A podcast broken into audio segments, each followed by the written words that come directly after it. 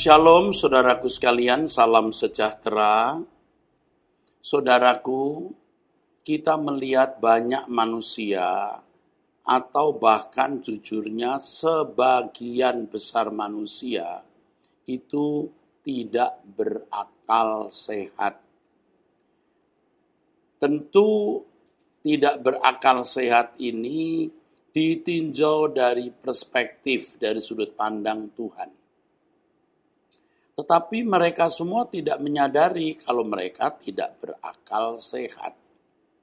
Mereka merasa sudah berakal sehat, bahkan merasa diri cerdas, merasa diri bijaksana, dan tidak perlu diajar oleh orang lain. Bahkan tidak perlu diajar oleh Tuhan. Yang tidak berakal sehat ini bukan hanya orang-orang di luar gereja, tetapi juga orang-orang Kristen di dalam gereja. Dan menyedihkan sekali atau ironis, bahkan para aktivis gereja, pengerja gereja, lebih mengerikan lagi pendeta, rohaniwan, tidak berakal sehat. Bagaimana kita tahu tidak berakal sehat? Saudara, hidup ini kan hanya 70 sampai 80 tahun. Setelah itu manusia pasti mati. Lagi pula kita tidak tahu kan kapan kita mati. Nah setelah mati itu manusia harus mempertanggungjawabkan seluruh perbuatannya. Mempertanggungjawabkan seluruh perbuatannya. Jadi ada perhitungan di balik kubur. Manusia bukan makhluk gratis yang boleh berbuat apa saja sesuka-suka hati. Manusia itu makhluk bertanggung jawab yang harus membayar harga hidupnya. Dan harga hidupnya saudara tahu apa? Ya, melakukan apa yang sang pencipta atau sang kalik kehendaki untuk dilakukan. Nah, banyak orang tidak sungguh-sungguh berjuang untuk memiliki kepastian.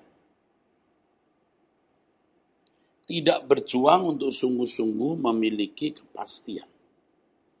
Kalau di hadapan pengadilan Tuhan nanti, kira-kira dia bisa mempertanggungjawabkan tidak segala sesuatu yang dia lakukan. Ya.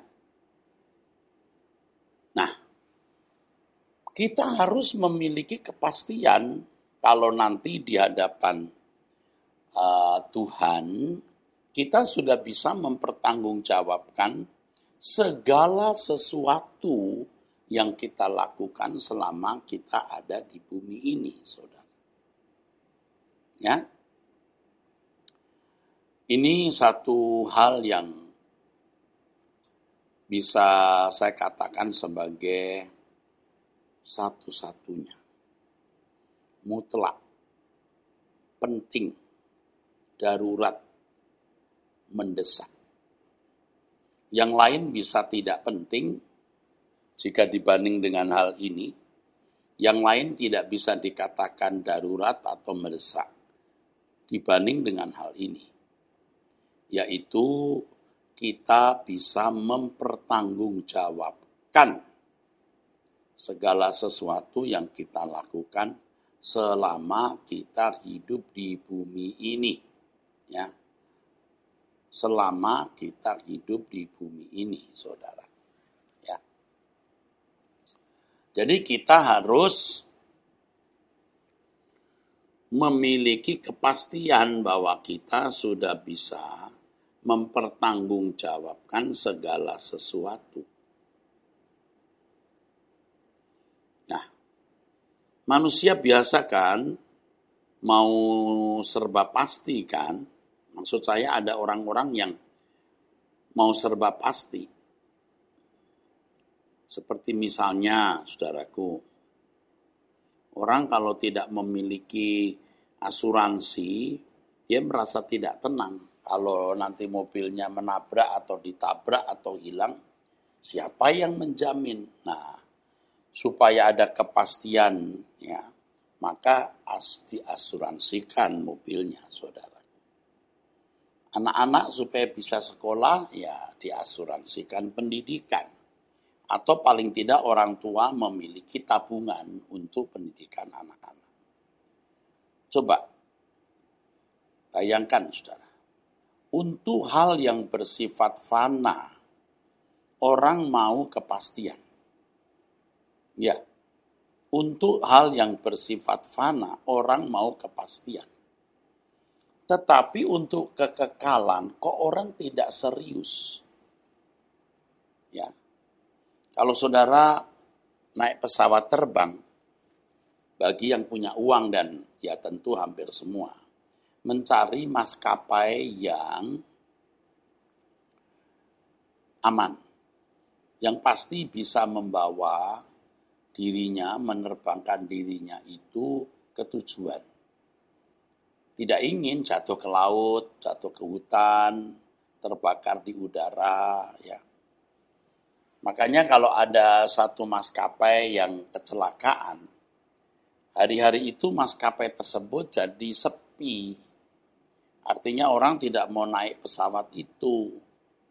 Padahal mestinya dengan adanya kecelakaan, maka maskapai itu akan lebih berhati-hati ya menservis ya memperbaiki mempersiapkan pesawatnya supaya jangan mengalami kecelakaan lagi. Tapi biasanya kalau ada maskapai mengalami kecelakaan, maka sejak saat itu atau paling tidak hari-hari itu maskapai tersebut jadi tidak laku, kurang diminati bahkan tidak diminati. Ya saudara, lalu naik pesawat dari maskapai lain, padahal pesawat di maskapai lain belum tentu lebih aman Nah, kita naik pesawat saja, kita mau kepastian ya saudara. Kepastian aman. Manusia itu mau kepastian. Tetapi mengapa untuk kekekalan orang tidak uh, tidak mencari kepastian, tidak mempersiapkan kepastian. Inilah yang tadi saya katakan tidak berakal sehat benar-benar tidak berakal sehat. Ini filosofi hewan sebenarnya. Mari kita makan minum sebab besok kita mati. Itu filosofi hewan ya, yang tidak berakal, saudaraku. Tetapi manusia mestinya berakal, memiliki hati yang bijaksana. Makanya kalau pemazmur mengatakan ajar aku Bapak, Ajar aku Tuhan menghitung hari-hari agar kami beroleh hati bijaksana. Kenapa harus menghitung hari-hari supaya beroleh hati yang bijaksana? Ya, karena hari hidup ini singkat supaya beroleh hati yang bijaksana, maka eh, sadarlah waktu ini singkat. Nah, pemazmur mengatakan masa hidup kami 70 tahun dan jika kami kuat 80 tahun dan kebanggaannya adalah kesukaran dan penderitaan sebab berlalunya buru-buru dan kami melayang lenyap. Mazmur 90 ayat 10. Lalu ayat berikutnya, siapakah yang mengenal kekuatan murkamu dan takut kepada gemasmu? Siapa yang berani sama Tuhan? Iya. Yeah. Ayo, siapa yang berani? Hmm? Orang mau menghadap polisi saja minta nasihat uh, penasihat hukum, nanti kalau menghadap polisi harus menjawab apa? Apalagi di hadapan pengadilan. Iya, dia mau tahu Jawabnya nanti apa? Kepastian juga kan? Sekarang kalau mau menghadap Tuhan kok tidak bersiap-siap, nah itu kan orang yang tidak berakal, saudara. Kok berani? Siapakah yang mengenal kekuatan murkamu dan takut kepada gemasmu? Ajarlah kami menghitung hari-hari kami sedemikian hingga kami beroleh hati bijaksana. Tuh. Hidup ini singkat, harus menghadap Tuhan yang mestinya ditakuti. Makanya ya harus memiliki hati yang bijaksana. Maksudnya hati yang bijaksana ini adalah hati yang tidak ceroboh, hati yang takut akan Allah, hati yang baik, ya hati yang lurus. Nah, makanya kita harus benar-benar berurusan dengan Tuhan. Kita harus menemui Tuhan dan bertanya, Tuhan, di matamu aku ini sudah benar belum? Nah ini saudara, mengapa saya tiap hari berdoa? Sekarang tiap pagi doa jam 5. Dengan banyak orang. Saya ditunggu tuh, jam 4 seperempat saya mesti sudah bangun. Jam 4 kurang 10 sudah bangun. Jam 4 saya sudah bangun. Kalau bangun setengah lima bisa tidak ke Uber waktunya. Persiapannya tidak cukup. Bangun jam 4 seperempat itu bisa biasanya pas, karena jam 5 kurang 20 sudah dimulai. Kenapa? Aduh saudara, saya juga takut saudara. Setelah sekian lama menjadi orang Kristen dari kecil ya, lalu jadi pendeta. Sekarang ini saya mengajak orang tiarap. Ya sibuk pelayanan harus, tetapi yang lebih menyibukkan kita itu tolong deh memeriksa diri. Menghadap Tuhan setiap hari dan bertanya, Ya Bapa, beri aku mengerti keadaanku di matamu. Itu. Masihkah ada dosa tersembunyi? Itu kesalahan tak kusadari. Saya ini bicara serius. Itulah sebabnya saudara, saya mengajak saudara untuk benar-benar bertobat. Mumpung saya masih hidup, saya masih bisa berbicara dan menasehati saudara. Umur saya juga sudah 60 tahun lebih, mana di tengah suasana COVID ini, saya bisa setiap saat itu meninggal dunia. Dan saudara bisa tidak mendengar khotbah saya lagi. Dan saya sudah tidak peduli apakah saya panjang umur atau pendek umur. Kalau boleh sih panjang umur supaya saya melayani Tuhan. Tapi kalau pendek umur juga saya tidak keberatan. Ya monggo terserah Tuhan. Tapi sebelum saya meninggal dunia, saya mengajak saudara untuk sungguh sungguh-sungguh bertobat. Itulah sebabnya mengapa saya minta gembala-gembala Rehobot ya saya suruh untuk lebih aktif mengembalakan jemaat dan tidak bergantung kepada saya. Jangan dikit-dikit Pak Erastus, dikit-dikit Erastus. Nah kalau saya dipanggil Tuhan mendadak apa enggak ambruk gereja ini? Rehobot Ministry, maka Rehobot Ministry harus bisa mandiri. Tapi saya masih jadi bapak rohaninya kan, saya masih menasehati, tentu yang masih mau dinasehati. Kalau yang sudah merasa tidak perlu lagi ya ndak apa-apa, saudaraku ya ora opo Jadi kepada jemaat Tuhan, saya masih hidup. Saya menasihati saudara-saudara untuk mencari Tuhan dengan sungguh-sungguh. Gembala-gembala di Rehoboth Ministry di masing-masing cabang ya itu orang-orang yang menurut saya sudah bisa mengembalakan ya Apakah di Gajah Mada, di Pluit, Kebun Ceruk, Sitikon pagi sore, THB, Perdatam, ya. Mana lagi itu ya? Ya, udah semua ya. Sana itu, kapuk, kapuk, Pluit. Dah, semua sudah bisa. Jangan dikit-dikit Pak Eras. Pokoknya kalau nggak Pak Eras, saya nggak ke gereja. Loh, ke gereja karena Pak Eras atau karena Tuhan? Oke? Jadi saudara-saudara semua harus benar-benar mencari Tuhan, bukan mencari Erastus. Nah, sekarang saya menghimbau, mengajak saudara memiliki kepastian kalau menghadap Tuhan itu kira-kira saudara sudah berkenan atau belum. Jangan mudah-mudahan, tidak boleh. Kata mudah-mudahan itu bukan bahasa iman. Iman itu kepastian, saudaraku. Jadi kalau orang masih belum memiliki kepastian, dia belum beriman dengan benar. Iman itu kepastian, kalau kita percaya Allah itu ada, Allah itu hidup, percaya enggak?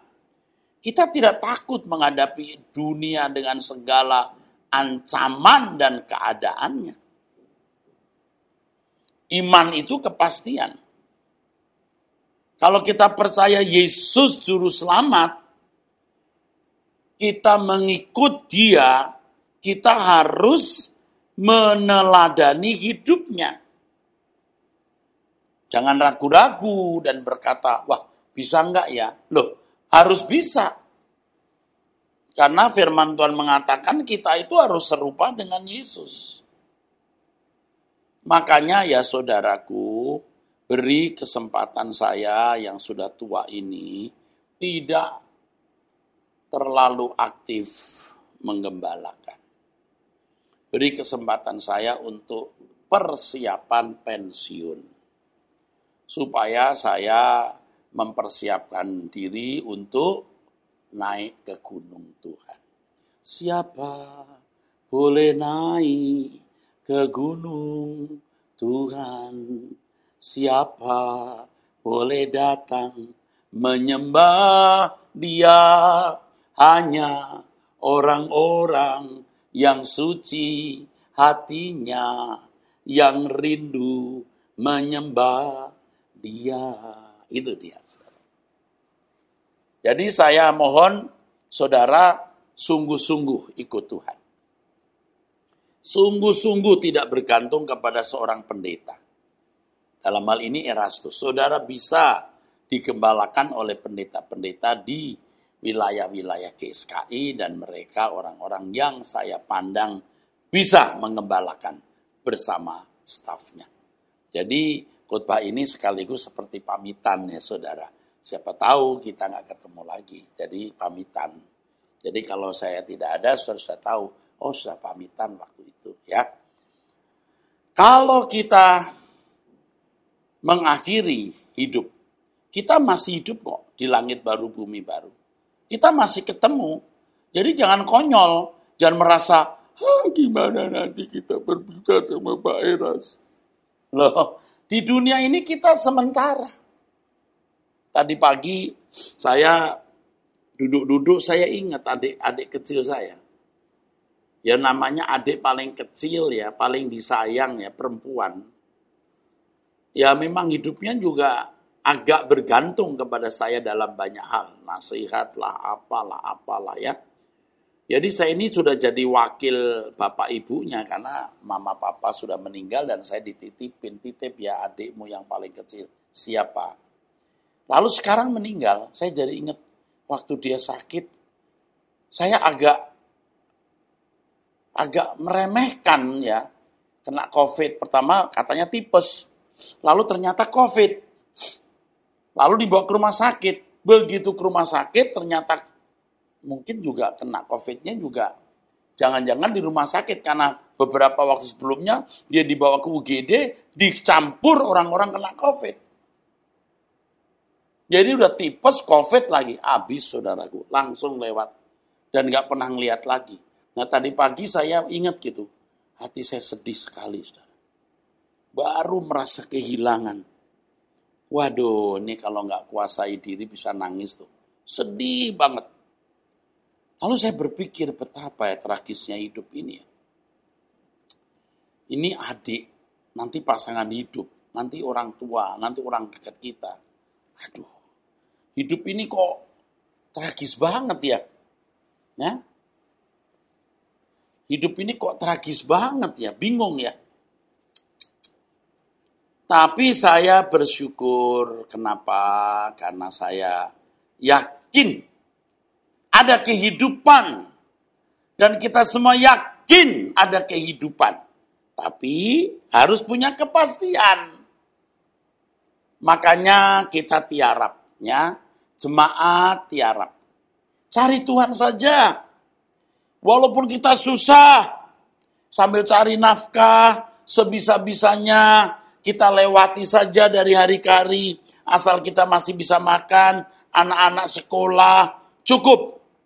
Cukup. Itu, yang penting itu saja. Udah, tidak perlu apa-apa lagi. Itu dulu, nggak usah mikir yang lain. Ya, lalu kita mencari Tuhan. Kita periksa diri, apakah masih ada dosa dalam hidup kita. Kalau ketemu Tuhan nanti bagaimana pertanggungjawaban kita.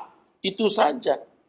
Biar kita ini miskin, Bapak Ibu, tidak punya rumah pribadi, tidak punya kendaraan, makan hari ini cukup untuk hari ini, besok nyari lagi, tidak masalah. Toh nggak lama hidup nanti di dunia akan datang kita akan hidup bahagia di kerajaan surga. Hidup ini tragis. Cepat atau lambat kita pasti berpisah dengan orang-orang yang kita cintai di dunia. Itu tidak bisa dihindari, tidak bisa. Makanya saya pikir hidup aduh tragis betul ya. Makanya kalau saya mengarang lagu ya, malam kelang malam kelam padang gersang dan tandusnya. Cerita tragis kehidupan manusia dan satu persatu mereka yang dicinta berpulang tak kembali lagi. Oh, saudaraku, pedih banget loh. Kalau punya orang yang kita cintai meninggal dunia, itu pedih banget, saudaraku. Dan adik saya ini sebelum dia meninggal, dua tahun sebelumnya atau tiga tahun sebelumnya, saya lupa-lupa ingat ya, suaminya udah meninggal. Jadi waktu suaminya meninggal ya saya berkata tenang ya dek, pokoknya masih ada saya. Sekarang meninggal juga, waduh, tragis bener hidup ini. Tetapi ini tidak bisa kita hindari kok. Tidak bisa. Nah, oleh sebab itu kita di GSKI ini udah bener banget. Yang kita persoalkan bagaimana hidup suci. Ya. Yang kedua bagaimana fokus langit baru bumi baru. Yang ketiga kita maksimalkan potensi kerja keras untuk bisa efektif bagi Tuhan. Itu maksudnya. Jadi udah bener lah. Saudara di GSK ini sudah bener banget ya. Ingat ya, tidak harus disentuh oleh Erastus Sabdono. Dia juga manusia. Ya, gembala sidang saudara masing-masing sudah bisa mengembalakan saudara dengan stafnya. Yang penting saudara setia di mana saudara berbakti. Ya, nanti kalau saya tidak di tengah-tengah saudara, saya pulang duluan, kita ketemu di surga. Ya, Jangan bergantung kepada saya. Oke? Itu penting sekali. Nah, kembali soal kepastian. Yang penting kepastian kalau kita meninggal dunia, ketemu Tuhan, Tuhan berkenan. Oke, ah oke, ini anakku ini. Ia sudah berusaha untuk hidup berkenan. Ya, walaupun mungkin belum sempurna. Tapi sudah berusaha Ah, ini kita boleh masuk ke dalam rumah Bapak di surga. Terima kasih Tuhan, terima kasih. Ya, jangan sampai Tuhan berkata, Eh, ini orang licik. Ini orang tidak tulus. Ini mulutnya jahat. Jangan di sini. Buang ke neraka. Celaka kan? Ya saudara harus periksa semua jemaat, aktivis, semua hamba-hamba Tuhan. Jangan merasa sudah ngerti firman, pinter khutbah, udah punya gelar. Hmm, Tuhan tidak akan terpikat, tidak akan terpukau dengan gelar dan kepintaran kita. Tuhan mau melihat ketulusan hati kita. Oleh sebab itu, yang kita sekarang harus lakukan seperti yang pemazmur ajarkan kepada kita ya. Di Mazmur pasal 139 ayat 23. Selidikilah aku ya Allah dan kenalilah hatiku, ujilah aku dan kenalah pikiran-pikiranku, lihatlah apakah jalanku serong dan turunlah aku di jalan yang kekal. Kita perlu pimpinan Roh Kudus. Sebab Roh Kudus yang bisa membuka pikiran kita. Kita itu sering tidak sadar kita itu sebenarnya sombong. Sombong terselubung. Kita itu kadang-kadang tidak sadar, bahkan sering tidak sadar kalau kita sebenarnya tidak tulus. Kita itu sering tidak sadar kalau kita sebenarnya merasa terganggu karena orang lain lebih maju, orang lain lebih berkembang. Kadang-kadang kita tidak sadar kita tersinggung karena kita direndahkan orang dan lain sebagainya. Termasuk saya, makanya saya mengarang lagu itu. Ya Bapa, beri aku mengerti keadaanku di matamu Masihkah ada dosa tersembunyi, kesalahan tak kusa dari Loh, bisa saudara. Ternyata masih bisa. Kita punya salah, tapi kita tidak sadari. Sekalipun itu seorang Erastus pendeta, ya, gembala sidang. Bisa. Maka saya tiap pagi duduk diam di kaki Tuhan Aku sering berkata begini, saya sering berkata, pokoknya. Dari dulu jarang orang doa pakai kata pokoknya. Itu kalau orang Jawa itu pokoknya. Artinya ndak bisa ndak. Pokoknya aku mau berkenan. Aku memilih engkau. Pokoknya aku bisa hidup tidak bercacat, tidak bercela. Itu kepastian, saudara. Dan asik loh hidup berjuang untuk masuk kepastian seperti ini. Sebab kalau kita berjuang untuk kepastian seperti ini, berarti kita memang menghormati Tuhan. Sejak di dunia kita menghormati Tuhan.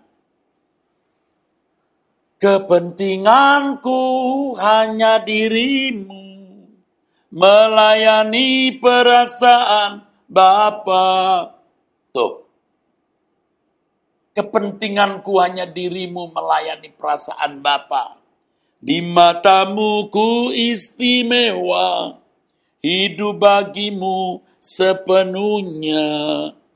Nah, saudara, kalau orang benar-benar mau, ya, kepastian hidupnya berkenan di hadapan Allah, oh saudara, itu berarti menghormati Tuhan. Dia serius dengan Allah. Ini saya kasih tahu ya saudara ya, jangan bilang-bilang ya. Saudara tahu nggak? Banyak itu ya, dan bilang-bilang nih, justru kadang-kadang pendeta seperti saya ini, atau orang-orang yang sekolah tinggi teologi itu malah tidak memeriksa diri dengan benar. Karena merasa dirinya sudah ngerti tentang teologi, mengenal Tuhan, sudah khutbah, menasihati orang, konseling orang. Tetapi dia tidak sadar bahwa dirinya ternyata belum tepat seperti yang Allah kehendaki. Nah ini. Itu saya ya, mungkin orang lain tidak, itu saya. Tapi saya kira karena saya sudah melihat orang-orang di sekitar saya yang berjabatan seperti saya dan saya bisa meneropong hidup orang lain tanpa menghakimi. Oh, ngeri sekali, saudara. Nah, kalau saya tidak serius untuk bebenah, mencari kepastian, saya tidak punya drive, dorongan kuat untuk mengajak saudara memeriksa diri juga. Nah, sekarang saya mendorong saudara untuk itu. Bahkan saudara bisa mendengar ucapan saya tadi. Saya pamit ya. Udah nggak takut-takut lagi. Mau mati besok, malam ini, sekarang, mau kapan saja, udah nggak masalah. Ya, tiada yang ku nanti lagi, apa pun di bumi ini, rindu hatiku pulang ke sana. Begitu saudaraku. Nah, ini dia saudara. Maka hidup kita harus benar-benar bersih. Saudara tidak menjadi konyol dan pesimis hidup. Justru ketika kita berjuang bagaimana kita didapati Tuhan berkenan, kita harus bertanggung jawab atas semua tanggung jawab dan tugas yang Tuhan berikan. Sebagai orang tua, memelihara, membesarkan anak-anak, sebagai anak-anak harus studi, sekolah, karir, dan nanti juga harus menjaga orang tua dan memperhatikan keluarga besar, menolong sesama yang kekurangan, menjadi berkat bagi masyarakat, bangsa, negara, dan gereja Tuhan. Nah ini membuat hidup kita justru menjadi sangat indah, saudara. Sebab ketika kita sungguh-sungguh mau mendapatkan kepastian ini, kita bergerak. Nah, konyolnya, ini konyolnya nih Orang-orang merasa sudah punya kepastian hanya di dalam pikiran. Dan itu sebagian besar orang Kristen begitu. Aku sudah percaya Yesus Tuhan dan Juru Selamat. Dosaku diampuni dan aku masuk surga. Aduh, saya sudah berkali-kali mencoba menjelaskan, tapi banyak orang masih tidak mengerti. Yesus mati di kayu salib menebus dosa kita. Amin. Oleh anugerahnya kita dibenarkan, dianggap benar. Amin. Tetapi dosa dalam kodrat kita, keadaan kita yang belum benar-benar sudah benar itu, harus dibentuk, harus diproses. Jadi kita harus masuk proses. Tidak boleh tidak masuk proses. Nah makanya kita harus membenahi diri. Makanya kita harus berjuang berubah. Makanya ada GSKI, ada gereja, ada pengembalaan. Supaya saudara-saudara itu, nah ini dia, bisa berubah. Terus berubah. Makin berkenan, makin berkenan, makin berkenan. Itu maka di satu lagu saya menulis begini, satu yang ku perlu, ku mohon padamu. Apa? Hidup berkenan.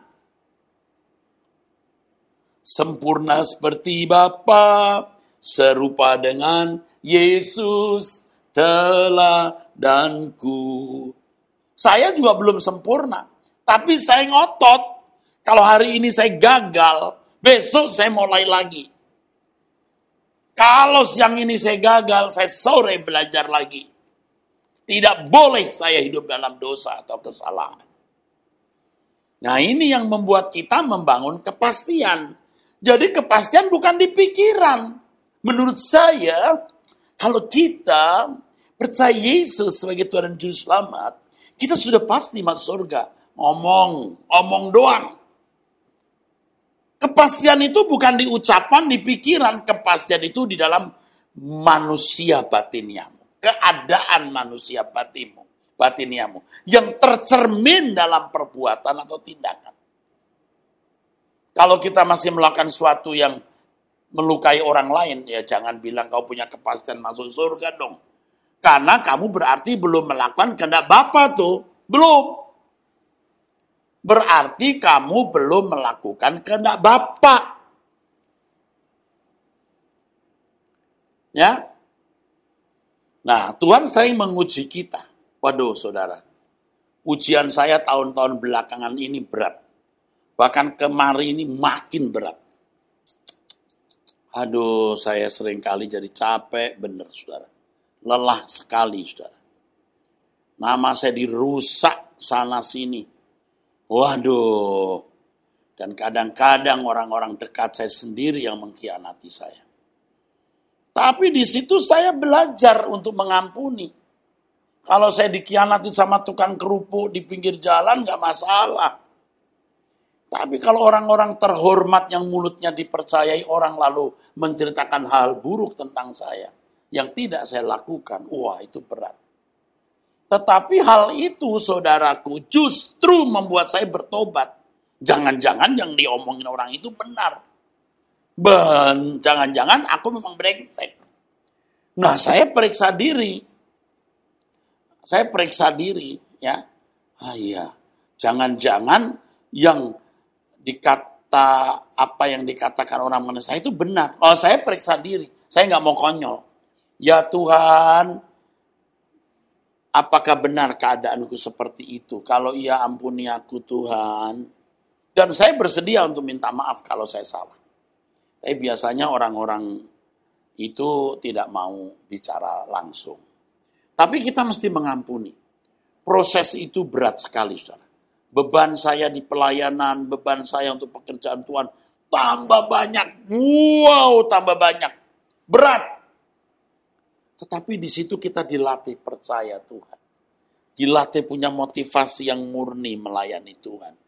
Melayani Tuhan bukan cari uang bukan supaya untung secara materi, bukan supaya nama kita jadi besar, dikultuskan, dihormati, dibanggakan, populer. Enggak. Kita sudah mau pulang ke surga. Kita sudah tidak mengharapkan kebahagiaan dunia ini. Kita hanya mau menyenangkan hati Allah. Dan itu harus kita usahakan mulai sekarang. Setiap saat, setiap waktu. Supaya kalau aku menghadap Tuhan suatu saat, Aku dikenal bahwa aku serius berurusan dengan Allah. Aku berurusan dengan Tuhan, saudara berurusan dengan Tuhan bukan sekedar karena mau sembuh dari sakit. Bukan sekedar supaya dapat rezeki banyak, uang banyak, fasilitas dipenuhi, yang menikah bisa dapat jodoh, yang tidak punya anak bisa hamil. Bukan. Tetapi karena kita mau mengerti apa yang dia kehendaki.